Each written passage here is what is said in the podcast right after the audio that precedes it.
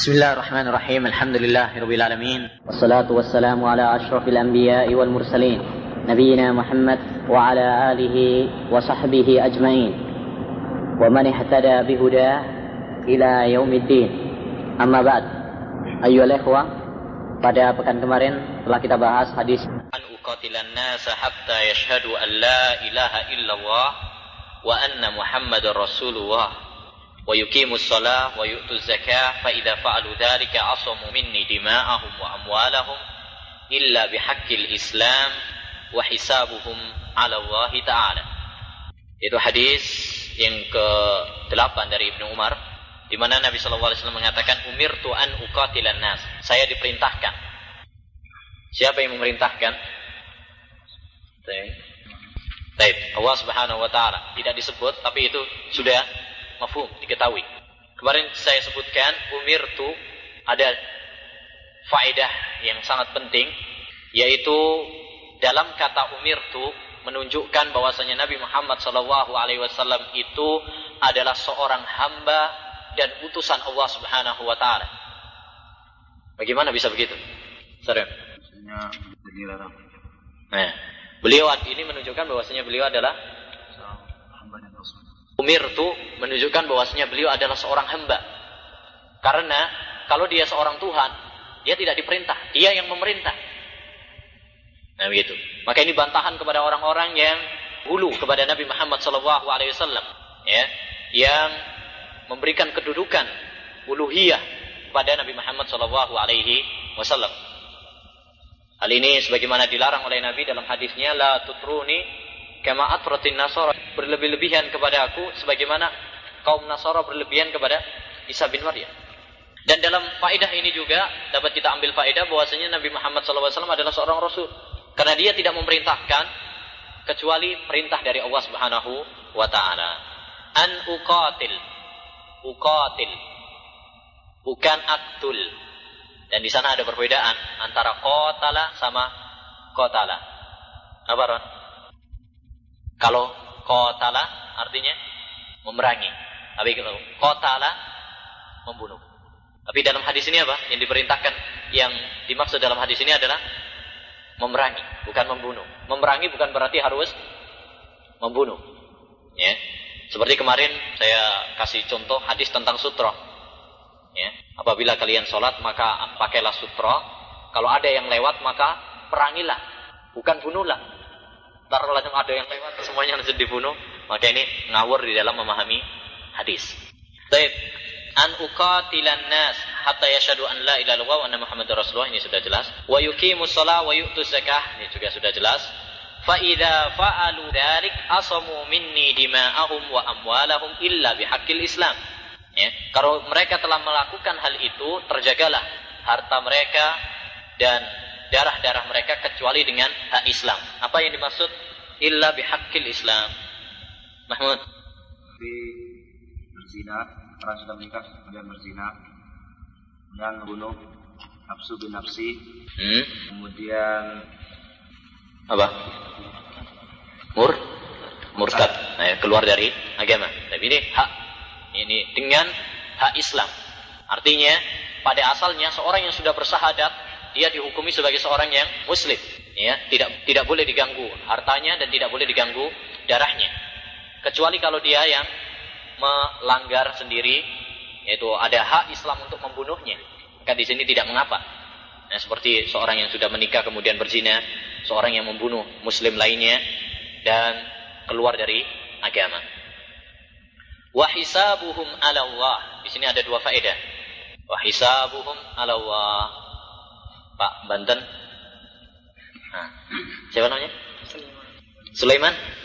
Seniman. Nah, yalah, ah seniman. Nah, wa 'ala Allah. Di sini ada dua faedah. Atau tiga. Atau empat. Ya? Hisapnya kepada Allah SWT. Baik. Ada berapa faedah di sini? Dua faedah. Jul. Yaitu menghukumi manusia atau menggauli manusia itu berdasarkan zohirnya, sedangkan urusan batin kita serahkan semuanya kepada Allah. Baik, ini faedah yang pertama. Ya, faedah yang pertama, kita bergaul dengan manusia, kita hukumi secara dohirnya. Sebagaimana Nabi Wasallam bergaul dengan orang-orang munafik secara dohirnya. Mereka mengikrarkan Islam, ya, mereka sholat dihukumi oleh Nabi sebagai apa? Islam. Sekalipun hati mereka kufur kepada Allah Subhanahu wa taala. Kita serahkan kepada Allah Subhanahu wa taala. Makanya kemarin saya sebutkan juga hadis tentang marahnya Nabi kepada Usama ya, bin Zaid tatkala membunuh seorang yang sudah mengatakan la ilaha illallah. Apa kata Usama? Wahai Nabi, dia mengatakan la ilaha illallah karena apa? Ingin selamat saja dari pedang saya. Kata Nabi, saya tidak diperintahkan untuk merobek hati manusia. Nah, jadi seorang, ini faedah yang pertama, tidak boleh menghukumi hati orang. Kita menghukumi secara dohirnya. Faedah yang pertama. Faedah yang kedua. Hisab di hari kiamat itu apa? Allah Azza wa Jalla yang menentukan. Baik. Menetapkan adanya hisab besok di hari kiamat. Apa dalilnya? Faman ya'mal misqala dzarratin khairan yarah wa may ya'mal misqala dzarratin syarran yarah. Jazakumullahu khairan. Barakallahu fiik. Baik, sekarang kita lanjutkan hadis yang ke-9. An Abi Hurairah radhiyallahu an Abdurrahman bin Sahr قال سمعت رسول الله صلى الله عليه وسلم يقول ما نهيتكم عنه فاجتنبوه وما أمرتكم به فأتوا منه ما استطعتم فإنما أهلك الذين من قبلكم كثرة مسائلهم واحتلافهم ada dua bacaan di sini atau wahtilafihim boleh dhamma wahtilafuhum ataf kepada kasratu boleh juga wahtilafihim ataf kepada masail. Kasratu masailihim wahtilafihim. Ala anbiyaihim. Rawahul bukhari wa muslimun. Artinya dari Abu Hurairah radhiyallahu an yang nama beliau adalah Abdurrahman bin Sahar. Beliau berkata saya mendengar Nabi sallallahu alaihi wasallam bersabda Ma nahaitukum anhu fajtanibu. Apa yang saya larang kepada kalian, maka jauhilah. Wa ma amartukum bihi fa'tu minhu mastata'tum. Dan apa yang saya perintahkan kepada kalian, maka lakukan semampu kalian. Fa innama ahlaka alladhina min qablikum sesungguhnya hancurnya orang-orang umat sebelum kalian kathratu masailihim adalah dikarenakan banyaknya pertanyaan-pertanyaan mereka wahtilafihim dan banyaknya perselisihan mereka ala anbiyaihim kepada para nabi mereka hadis riwayat Bukhari Muslim hadis yang berbarakah ini ikhwani fillah rahimani wa rahimakumullah dicantumkan oleh Imam An-Nawawi rahimahullah dalam kitabnya Al-Arba'in Nawawiyah yang menunjukkan bahwasanya kitab hadis ini merupakan hadis yang menyimpan kaidah-kaidah berharga. Pokok-pokok landasan Islam. Oleh karena itu Al-Imam An-Nawawi rahimahullah sendiri dalam kitab Syarah Sahih Muslim beliau mengatakan mengomentari hadis ini, "Hada min qawaidil Islamil muhimmah." Hadis ini merupakan kaidah-kaidah Islam yang penting wa min jawami'il kalimil lati u'tiyaha ar-rasulu sallallahu alaihi wasallam dan termasuk jawami'ul kalim apa jawami'ul kalim itu ucapan yang singkat tetapi apa? Menyimpan makna yang padat. Allati u'tiyaha ar-rasul sallallahu alaihi wasallam yang diberikan kepada Nabi Muhammad sallallahu alaihi wasallam. Nabi bersabda inni utitu jawami al-kalim saya kata Nabi sallallahu alaihi wasallam saya diberi jawami'ul kalim. Kalimat yang singkat tetapi memiliki makna yang padat. Oleh itu lihat bagaimana hadis Nabi kemudian disyarah oleh para ulama dengan kitab-kitab yang begitu tebal. Menunjukkan bahwasanya ucapan Nabi Shallallahu alaihi wasallam itu memiliki makna yang luas, memiliki makna yang padat. Kemudian kata beliau wayat fihi ma la minal ahkam. Masuk dalam hadis ini hukum-hukum yang tidak bisa dihitung. Kasolati bi anwa'iha seperti salat ya dengan macam-macamnya fa idza ajiza an arkaniha au ba'di syurutiha atabil bagi di halnya salat kalau dia tidak mampu untuk melakukan rukun-rukunnya atau sebagiannya maka dia melakukan selebihnya ya karena diambil dari hadis mana wa ma amartukum bihi fa'tu minhu mas tuh. Apa yang saya perintahkan, lakukan semampunya. Kalau nggak mampu semua melakukan semua rukun sholat, maka lakukan yang mampu. Begitu. Jadi hadis ini merupakan hadis yang menyimpan kaidah-kaidah berharga sebagaimana dikatakan oleh Imam An-Nawawi rahimahullahu taala. Sekarang kita akan bahas satu persatu.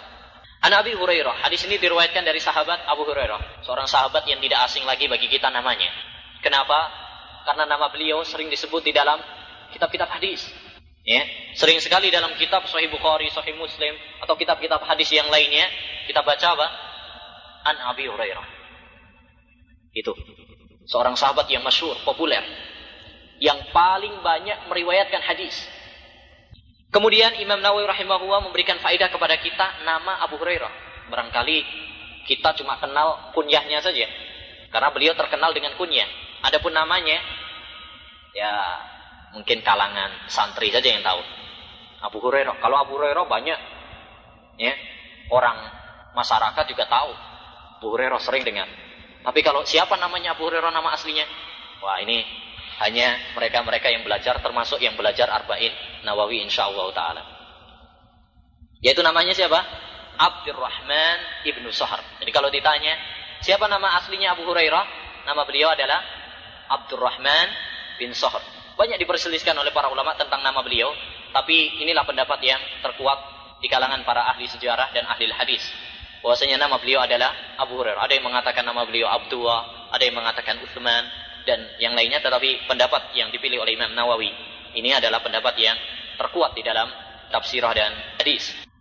Sahabat Abu Hurairah beliau terkenal dengan Abu Hurairah yang secara bahasa Hurairah adalah bentuk tasgir dari kata hir yang artinya kucing. Jadi artinya kucing kecil. Beliau bercerita bagaimana disebutkan dalam kitab sirah biografi beliau yang memberi kunyah beliau ini adalah bapaknya sendiri. Kenapa? Karena beliau suka memelihara kucing. Ya. Sehingga dipanggil oleh ayahnya, ya Aba Hir. Nah begitu. Tapi tidak ada iskal, ya, tidak ada masalah. Beliau sudah terkenal dengan Abu Hurairah radhiyallahu dan ini bukanlah suatu hal yang aib. Ya, bukanlah suatu hal yang aib. Sebelum saya masuk kepada pembahasan inti hadis, perlu kita ingatkan bahwasanya nama Abu Hurairah radhiyallahu an yang begitu populer dan tersohor, tetapi di sana ada sebagian kalangan yang mencela sahabat Abu Hurairah radhiyallahu an. Mereka banyak menolak hadis-hadis Abu Hurairah radhiyallahu an. Mereka menilai bahwasanya Abu Hurairah mengada-ngada dan berdusta di dalam hadis. Masa Abu Hurairah yang datangnya Islamnya perang Khaybar belakangan mengalai para sahabat yang bersahabat dengan Nabi SAW semenjak di Mekah sebelum hijrah seperti Abu Bakar, Umar. Hadisnya kan tidak terlalu banyak. Utsman, Ali. Tapi Abu Hurairah orang yang Islamnya belakangan, yaitu pada perang Khaybar, bagaimana beliau termasuk orang para sahabat yang paling banyak meriwayatkan hadis. Oleh karena itu antum lihat orang-orang Syiah, ya, Rafidah sangat benci terhadap Abu Hurairah radhiyallahu anhu. Paling mereka benci. Di antara sekian para sahabat, yang paling mereka benci adalah Abu Hurairah. Di samping Abu Bakar Siddiq dan Abu Umar radhiyallahu anhu. Bahkan mereka mengkafirkan banyak para sahabat. Tapi yang paling mereka benci termasuk di antaranya yaitu Abu Hurairah.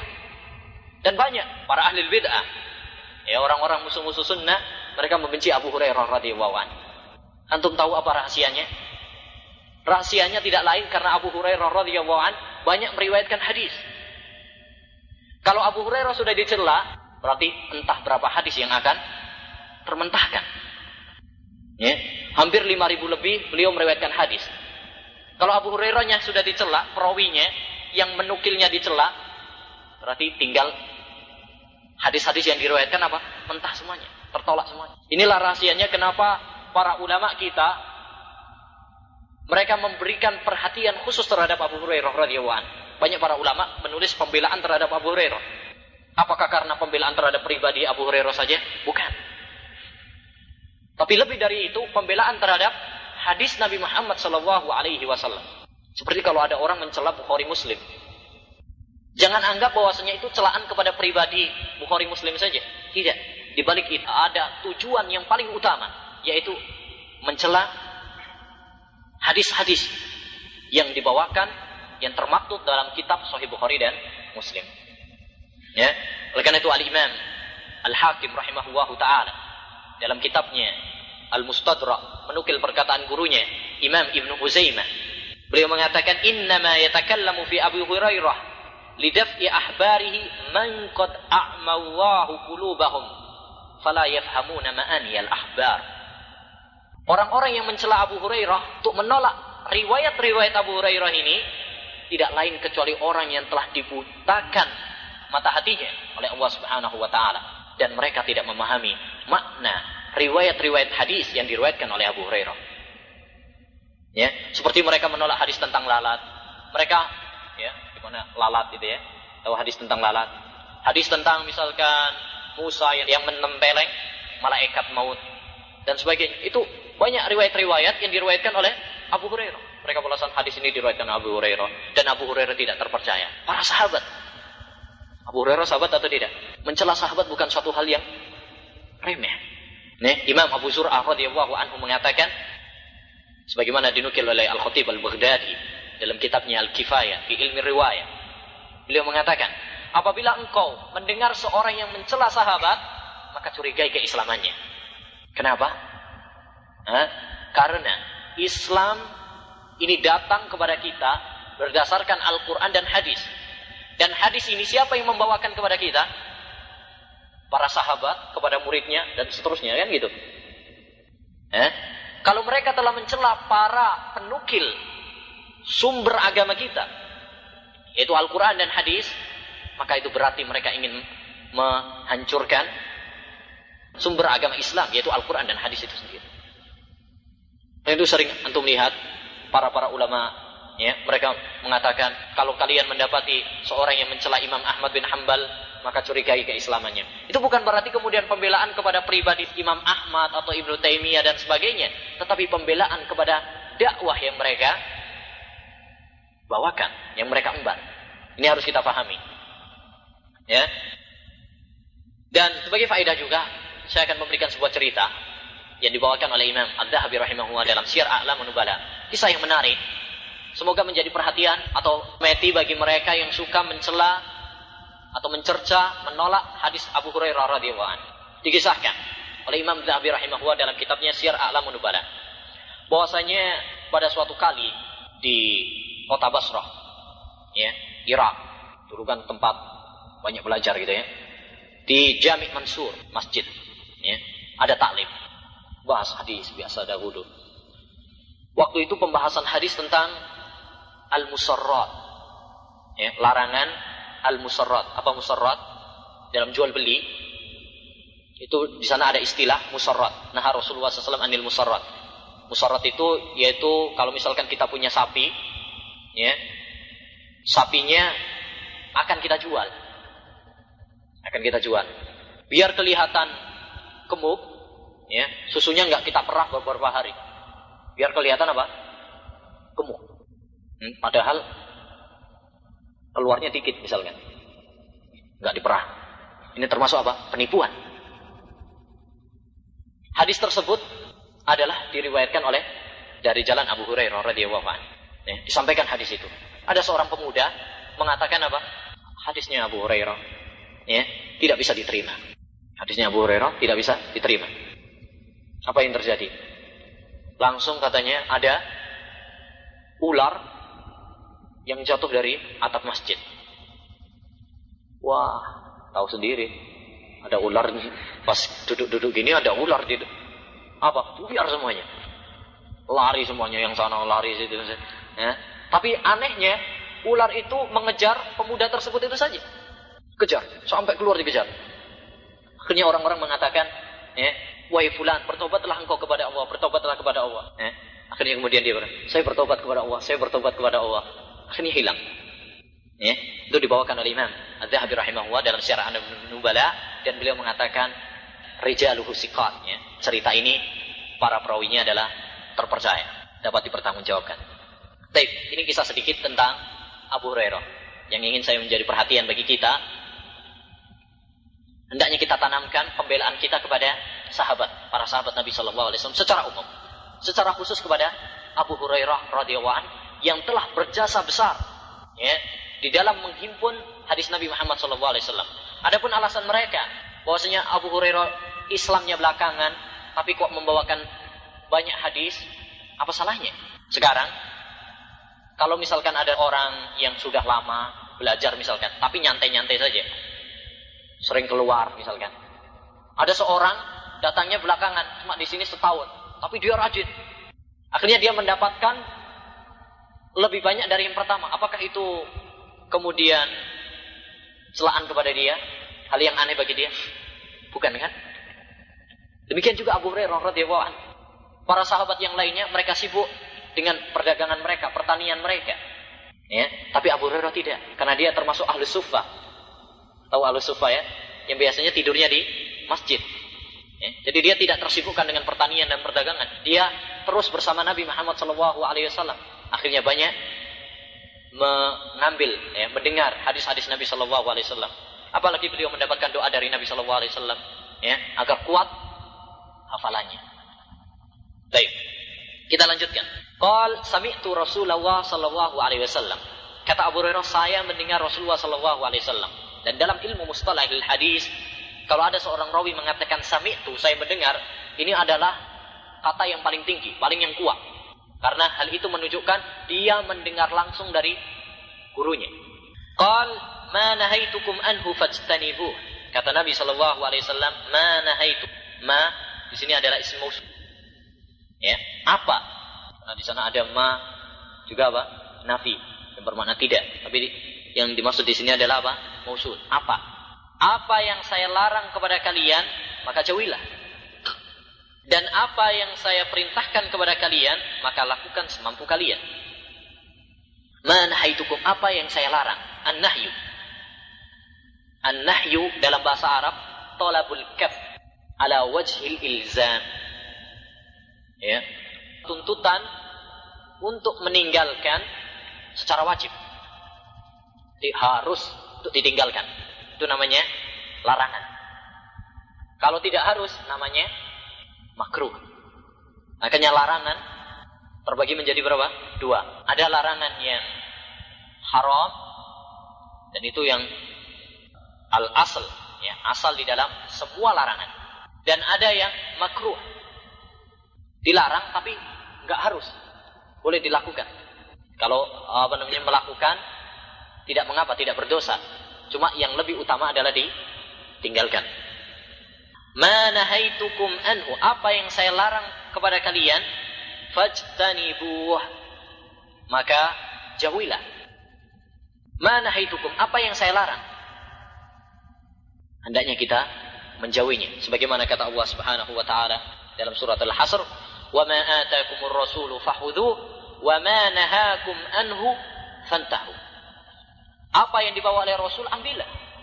Dan apa yang dilarang oleh Rasulullah sallallahu alaihi wasallam maka tinggalkanlah. Kemudian ada faedah juga yang dapat kita ambil faedah dari hadis ini. Mana haitukum apa yang saya cegah kepada kalian? Saya larang.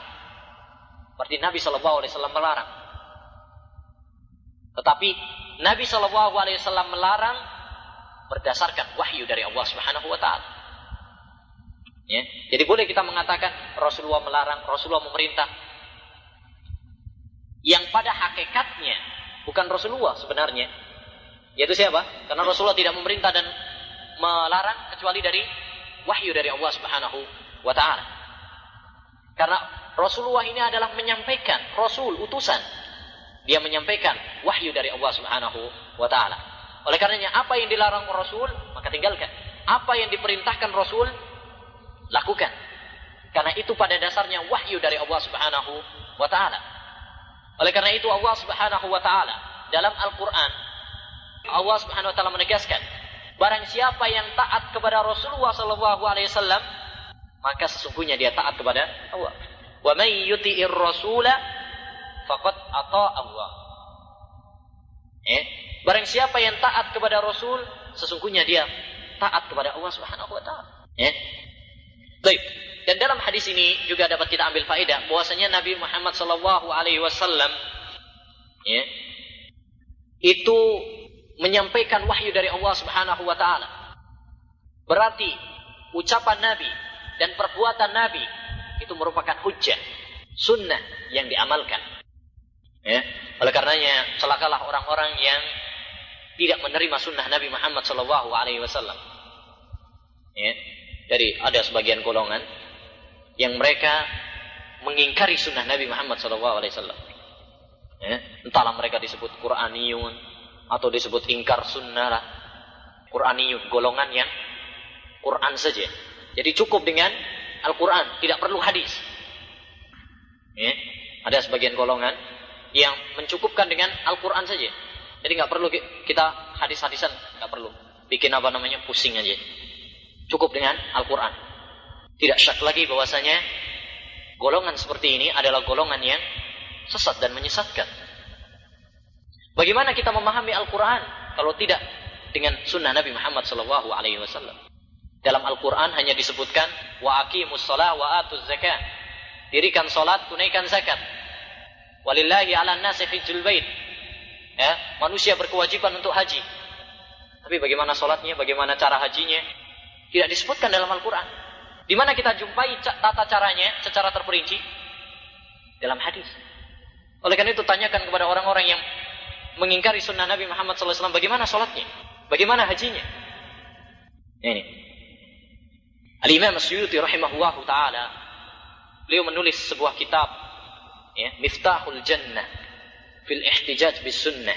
Dalam pembukaannya beliau mengatakan, ketahuilah semoga Allah merahmati kalian. Bahwasanya orang-orang yang mengingkari sunnah Nabi Muhammad SAW yang sahih. Jadi mengatakan kita cukup dengan Al-Quran saja. Hadis Nabi kita tidak perlu. Apa kata Imam Suyuti? Mereka adalah bukan orang Islam dengan kesepakatan ulama. Ya? Mereka bukan orang Islam. Ada sebuah kisah lucu tentang orang-orang model seperti itu diceritakan oleh Ustadzuna Abdul Hakim bin Amir Abdad dalam kitabnya Risalah Bid'ah.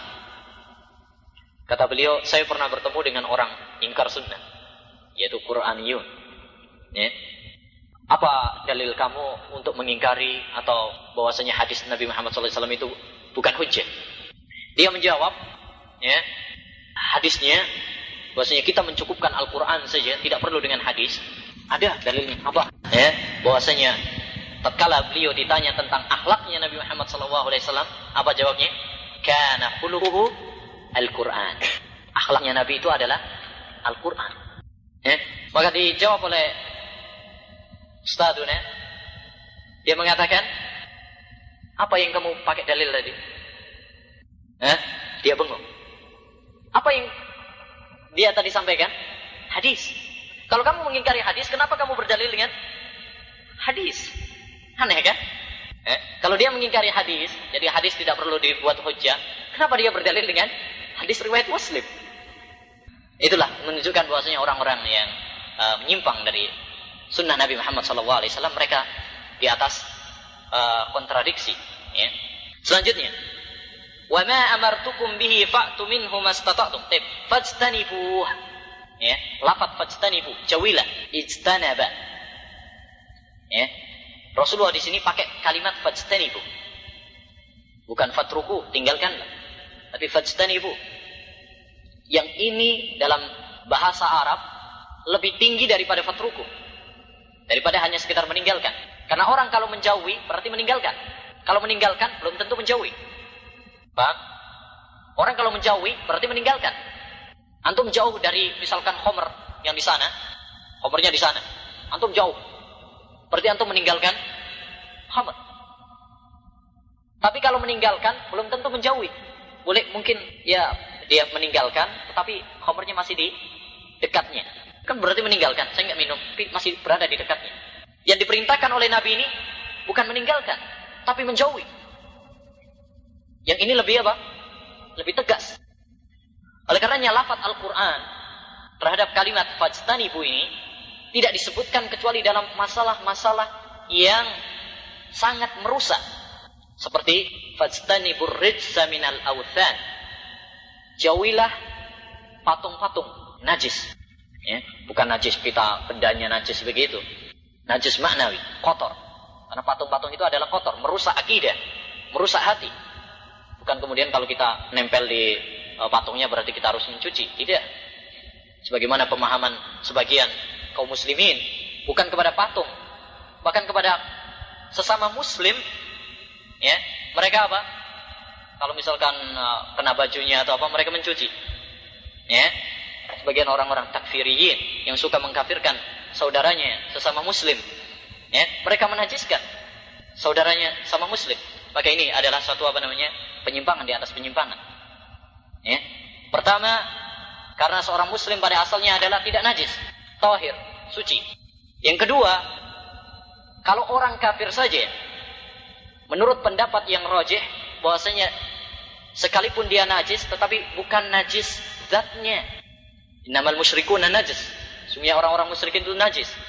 Itu bukan berarti kemudian kalau kita salaman berarti apa? Salaman misalkan habis salaman sama orang Kristen atau orang Buddha berarti kemudian kita cuci tangan kita. Tidak ada. Eh, itu pemahaman yang keliru. Eh, pemahaman yang yang keliru. Itu kepada orang kafir. Bagaimana dengan seorang yang muslim? Kemudian juga dalam yang lainnya, yang lainnya dari seperti dalam khomer. Allah Subhanahu wa taala menyebut kata khomer dengan fajtanibu. Innamal khamru wal maisiru wal azlam rijsum min amali syaitan fajtanibuhu la'allakum tuflihun. Sesungguhnya khamr al maisir apa? Judi wal azlam al azlam itu apa? Mengadu nasib. Ya, al azlam rijs itu adalah najis. Fajtanibuhu maka jauhilah. Jadi jauhilah itu dianya di timur, kamunya di barat. Itu yang dimaksud dengan fajtanibu. Jadi jauh. Baik. Fajtanibu jauhilah. Dari sini dapat kita ambil faedah juga bahwasanya asal perintah itu adalah hukumnya haram. Asal perintah al aslu fin nahyi sebagaimana dalam kaidah usul fikih, al aslu fin nahyi lit tahrim. Asal larangan itu adalah menunjukkan haram. Sampai ada dalil yang memalingkannya yang menunjukkan makruh. Kalau ada dalil baru kita mengatakan yang menunjukkan misalkan Rasulullah pernah melarang, tapi Rasulullah juga pernah melakukan. Baru kita bawa kepada larangan tersebut menunjukkan hanya makruh saja. Tapi kalau tidak, maka pada asalnya menunjukkan haram. Taib, fajtanibu. Jauhilah. Jauhilah zatnya dan jauhilah pula perantara-perantara yang dapat mengantarkan kepada hal yang diharamkan tadi. Ya. Oleh karena itu termasuk kaidah dalam fikih juga al-wasail laha ahkamul maqasid. Ya. Wasilah itu hukumnya sama sesuai tujuannya. Perantara itu sesuai hukumnya dengan tujuannya. Ya. Kalau tujuannya wajib, perantaranya pun ikut wajib. Misalkan, sholat di masjid itu hukumnya wajib. Tidak mungkin kita sholat kecuali dengan berjalan. Maka berjalannya pun ikut wajib. Kan perantara itu. Ya. Paham ya? Tidak mungkin kita berangkat haji kecuali naik apa? Bis misalkan. Atau naik kendaraan. Maka naik bisnya pun ikut wajib juga. Demikian seterusnya dan seterusnya. Eh, dalam kaidah yang lain, ma la yatimul wajibu illa bihi fahuwa wajib. Sesuatu yang tidak wajib kecuali dengan perantara tersebut, maka ikut wajib juga. Menuntut ilmu hukumnya wajib. Tidak mungkin kita mendapatkan ilmu, memahami agama Islam ini kecuali dengan bahasa Arab. Maka memahami bahasa Arab ini hukumnya adalah apa? Wajib juga. Karena itu perantara menuju ilmu. Ini kaidah. Jadi apabila Allah Subhanahu wa taala melarang sesuatu, maka dilarang pula perantara-perantara yang menuju hal yang diharamkan tadi. Oleh karenanya perhatikan firman Allah Subhanahu wa taala tentang larangan zina, "Wala taqrabu az-zina, innahu kana wa sa'a sabila." Jauhilah oleh kalian zina. Allah Subhanahu wa taala tidak mengatakan la taznu, jangan kalian berzina. Tapi jangan kalian mendekati zina yang menunjukkan kepada kita ya, bahwasanya Allah Subhanahu wa taala di sini bukan hanya melarang zinanya saja, tapi setiap hal yang dapat mengantarkan kepada perzinaan hukumnya pun apa? Haram. Ya, oleh karenanya dalam banyak hadis dan dalam banyak ayat Allah Subhanahu wa taala melarang semua pintu yang dapat menjurus kepada perzinaan. Seperti larangan uh, kholwat, ya, berdua-duaan antara laki-laki dengan perempuan. Ya, dilarang melihat wanita dengan syahwat. Dilarang. Safarnya seorang wanita dengan sendirian tanpa mahram dilarang. Kenapa? Karena semua itu merupakan pintu yang menjurus kepada perzinahan. Jadi semua sarana yang dapat menjurus kepada perzinahan hukumnya adalah apa? Haram. Demikian juga hal-hal yang diharamkan yang lainnya. Jadi ini kaidah yang sangat penting sekali untuk kita ketahui. Kalau Allah Subhanahu wa taala melarang sesuatu, maka diharamkan pula apa? Sarana yang dapat mengantarkan kepada uh, perbuatan haram tersebut. Selanjutnya Allah taala mengatakan, "Wa ma amartukum bihi fa'tu minhu mastata'tum." Dan apa yang saya perintahkan kepada kalian, maka lakukan semampu kalian. Coba perhatikan, beda. Kalau dalam larangan, Nabi Muhammad tidak mengatakan semampu kalian. Tapi kalau dalam perintah, mengatakan apa? Semampu kalian. Kenapa? Karena kalau dalam larangan, tidak ada repotnya. Kecuali hawa nafsu. Orang meninggalkan, kan nggak butuh tenaga, meninggalkan saja. Tapi kalau melakukan, ya, ini butuh. Kalau meninggalkan apa? Apa repotnya kan? Orang meninggalkan nggak ada repotnya, nggak butuh biaya, nggak butuh tenaga, cuma meninggalkan. Tapi kalau melakukan, ini yang butuh tenaga, kadang butuh biaya, seperti haji misalkan. Oleh karena itu Allah SWT secara tegas mengatakan untuk khusus untuk haji, walillahi ala nasi hajjul bait man istata'a ilaihi sabila. Yang mampu saja. Kalau yang nggak mampu nggak wajib. Demikian juga kewajiban-kewajiban yang lain. Allah SWT tidak membebani kecuali apabila mereka mampu. La yukallifu wa nafsan illa wus'aha. Fattakullaha mas tata'tu. Bertakwalah kepada Allah SWT semampu kalian. Ya, fattakullaha mas tata'tu. Jadi hadis ini ya, sangat penting sekali untuk kita uh, fahami bahwasanya larangan semuanya harus ditinggalkan. Kalau perintah ya, semampunya Ya, semampunya bukan berarti kemudian tanpa usaha. Ya. Oh, sholat kan semampunya, saya nggak mampu. Tapi sebenarnya mampu. Ini nggak boleh. Jadi harus keluarkan semua tenaganya. Kalau memang sudah tidak mampu, baru di situ apa? Gugur kewajiban. Ya. Orang yang tidak mampu sholat dengan berdiri, ada di sana gantinya, yaitu bisa dengan duduk. Orang itu para ulama mengatakan bahwasanya kewajiban yang gugur karena kelemahan atau tidak mampu terbagi menjadi dua. Ada yang gugur, ada gantinya. Seperti apa? Tadi sholat.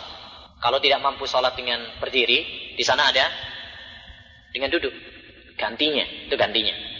Tidak mampu wudhu karena sakit, misalkan, atau tidak mendapatkan air, maka di sana ada gantinya, yaitu apa? Tayamum. Tidak mampu berpuasa karena sakit atau safar. Ada gantinya, yaitu apa? Mengkodok di hari-hari yang lain. Ya, ini yang pertama. Yaitu apa? Gugur, tetapi ada gantinya. Di sana ada kewajiban yang gugur, tetapi nggak ada gantinya. Ya ada gantinya. Contohnya apa? Wanita haid, kalau sudah datang rembulannya, maka apa? Tidak ada kewajiban sholat. Bahkan nggak boleh sholat. Ya, tidak boleh sholat. Apa gantinya? Secara nas khusus tidak ada. Ya, kalau kamu tidak sholat maka gantilah dengan misalkan baca Quran atau ini, nggak ada. Ya, sudah, kukur gitu saja. Ya, tapi bukan berarti kemudian tidak ada amalan ya. Udah tidur aja, nggak ada amalan, bukan berarti. Tapi yang dimaksud di sini kukur tidak ada ganti secara khusus. Ya begitu. Adapun yang secara umum ada ya dikir kepada Allah Subhanahu wa taala yang menuntut ilmu yang itu boleh kapan saja. Taib. Demikian juga misalkan orang yang tidak mampu haji. Orang belum mampu belum punya uang atau mudirnya belum mengizinkan. Ya, apa namanya kafilnya belum mengizinkan. Mau berangkat tapi kafilnya nggak mengizinkan. Ya. Ini termasuk apa? Ada gantinya? Kalau nggak mampu haji, ya apa namanya sholatlah 10 kali misalkan nanti menduduki kedudukan haji. Nggak ada. Jadi tidak ada secara khusus. Jadi ada yang kadang ada gantinya, ada yang tidak ada gantinya. Baik, selanjutnya.